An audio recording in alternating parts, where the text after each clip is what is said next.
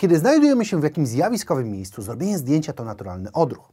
A co jeśli za takie zachowanie może czekać nas kara?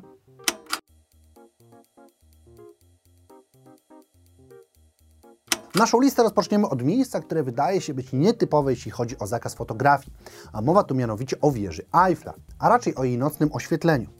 To jest też dobry moment, żeby powiedzieć, że z częścią miejsc nie jest tak, że nie możecie zrobić zdjęcia w ogóle. No przecież nie da się zablokować fotografii obiektu, który ma ponad 300 metrów. Ale da się zablokować udostępnienie tych zdjęć. No i jednak fakt, że coś jest niedozwolone, nie powoduje, że ludzie tego nie robią.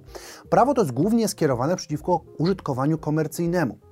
Ale wracając do samej wieży, powodem, dla którego nie wolno robić jej zdjęć, jest prawo autorskie. Sama wieża również była nim objęta do 1993 roku, równo 70 lat po śmierci jej twórcy. Oświetlenie to jednak trochę nowsza sprawa, bo zainstalowano je w 1985 roku, więc musimy jeszcze trochę poczekać. Ale zaraz, zaraz. Przecież są zdjęcia wieży Eiffla w nocy. Jedno jest właśnie pokazywane.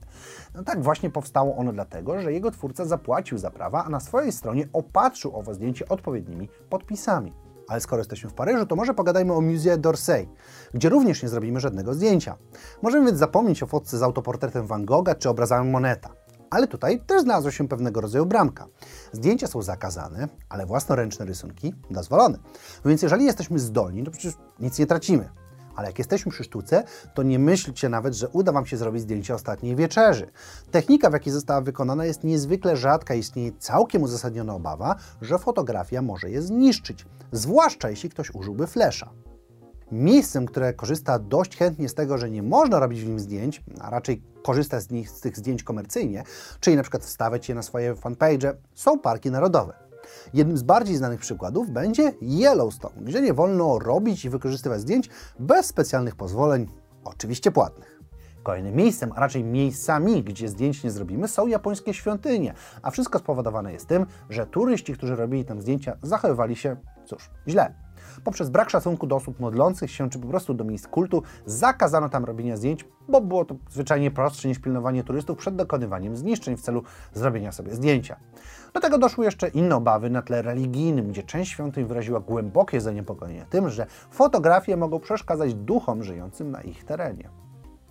Również w Japonii znajdziemy Golden Guy, dość zjawiskową ulicę, a raczej sieć ulic z neonami, setkami barów i knajp, które tworzą niecodzienny klimat.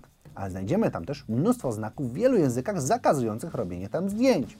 Skąd ten zakaz?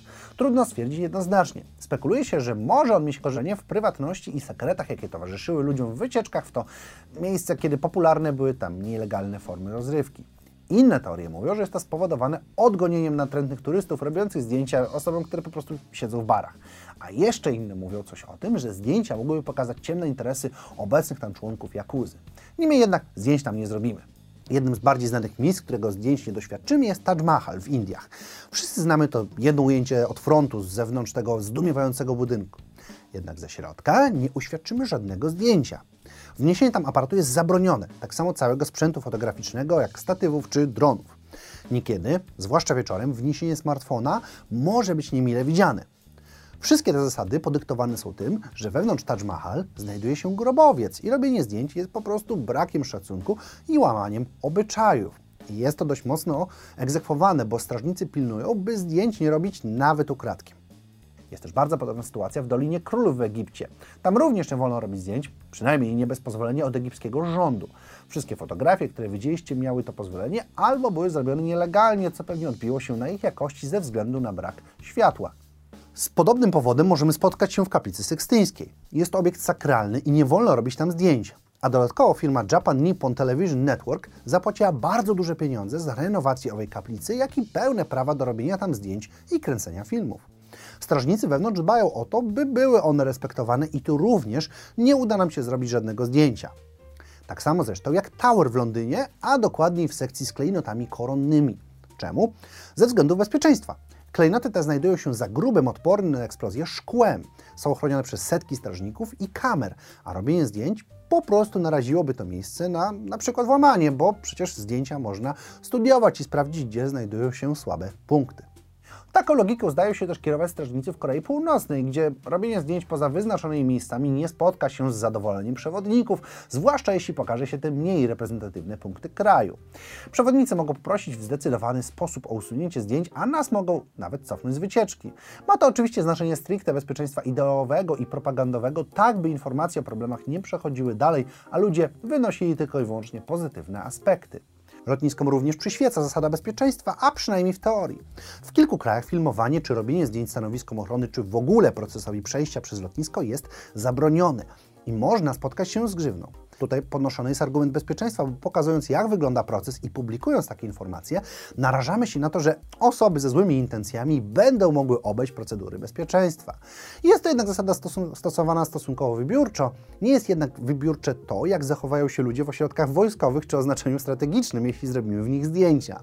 Często miejsca te wykreślane są nawet z serwisów takich jak Google Maps. W Polsce jest kilkanaście takich, wystarczy poszukać, ale przykładem może być Westerplatte czy siedziba służb hydrometeorologicznych. A na całym świecie możemy znaleźć więcej. Jednym z najbardziej znanych miejsc będzie amerykański Pentagon, miejsce, gdzie zapadają wszystkie najważniejsze decyzje strategiczne. Dzieje się to również z bardzo prozaicznej przyczyny, jaką jest bezpieczeństwo. Jeśli teren jest nieznany, trudniej po nim manewrować czy planować ataki. Do tego czasem państwa chcą ukryć niektóre miejsca i nawet ich nie oznaczają. A jeśli mowa o Google Maps, a może raczej o Google Street View, to ciekawym przypadkiem są Niemcy. Nie dość, że usługi prawie tam nie ma, to jeśli już jest, to w większości budynków jest zamazana.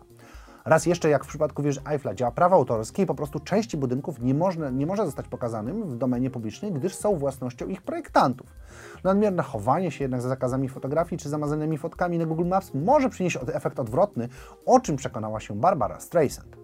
Otóż w 2003 roku pozwała ona Keneta Adelmana za umieszczenie zdjęć jego, jej domu w kolekcji 12 tysięcy zdjęć wybrzeży Kalifornii. Problem było to, że nikt nie wiedział, że to dom Streisand. Wiele osób nawet by go nie zauważyło, ale jako, że pojawił się duży pozew i próba cenzury, to wszyscy od razu się tym zainteresowali, powodując, że próby ukrycia domu były od tej pory daremne. Bardzo podobną sytuację miała też Beyoncé, a raczej jej zdjęcie z Super Bowl w 2013 roku. Wyszła na nim co najmniej niekorzystnie i w pełni agresywnie próbowała zdjąć je z internetu, co spowodowało, że internauci zaczęli je sobie rozsyłać, czy wręcz propagować jej na złość. Efektem było oczywiście to, że mimo wytężonej pracy zdjęcie nabierało rozpędu, a nagrywać o nim zaczęły nawet media ogólnokrajowe, które musiały koniecznie donieść o przygotowywanych pozwach. A i w Polsce również mieliśmy nie, podobną sytuację, zresztą nie jedną, ale najbardziej popularną było legendarne już nagranie Kamila Durczoka, który w dość wulgarny sposób odzywa się do jednego pracownika, by ten umył stół. Było to nagranie niekorzystne, a TVN próbował usunąć je z internetu za pomocą systemu praw autorskich. Efekt jednak był totalnie odwrotny, a film zna chyba już prawie każdy.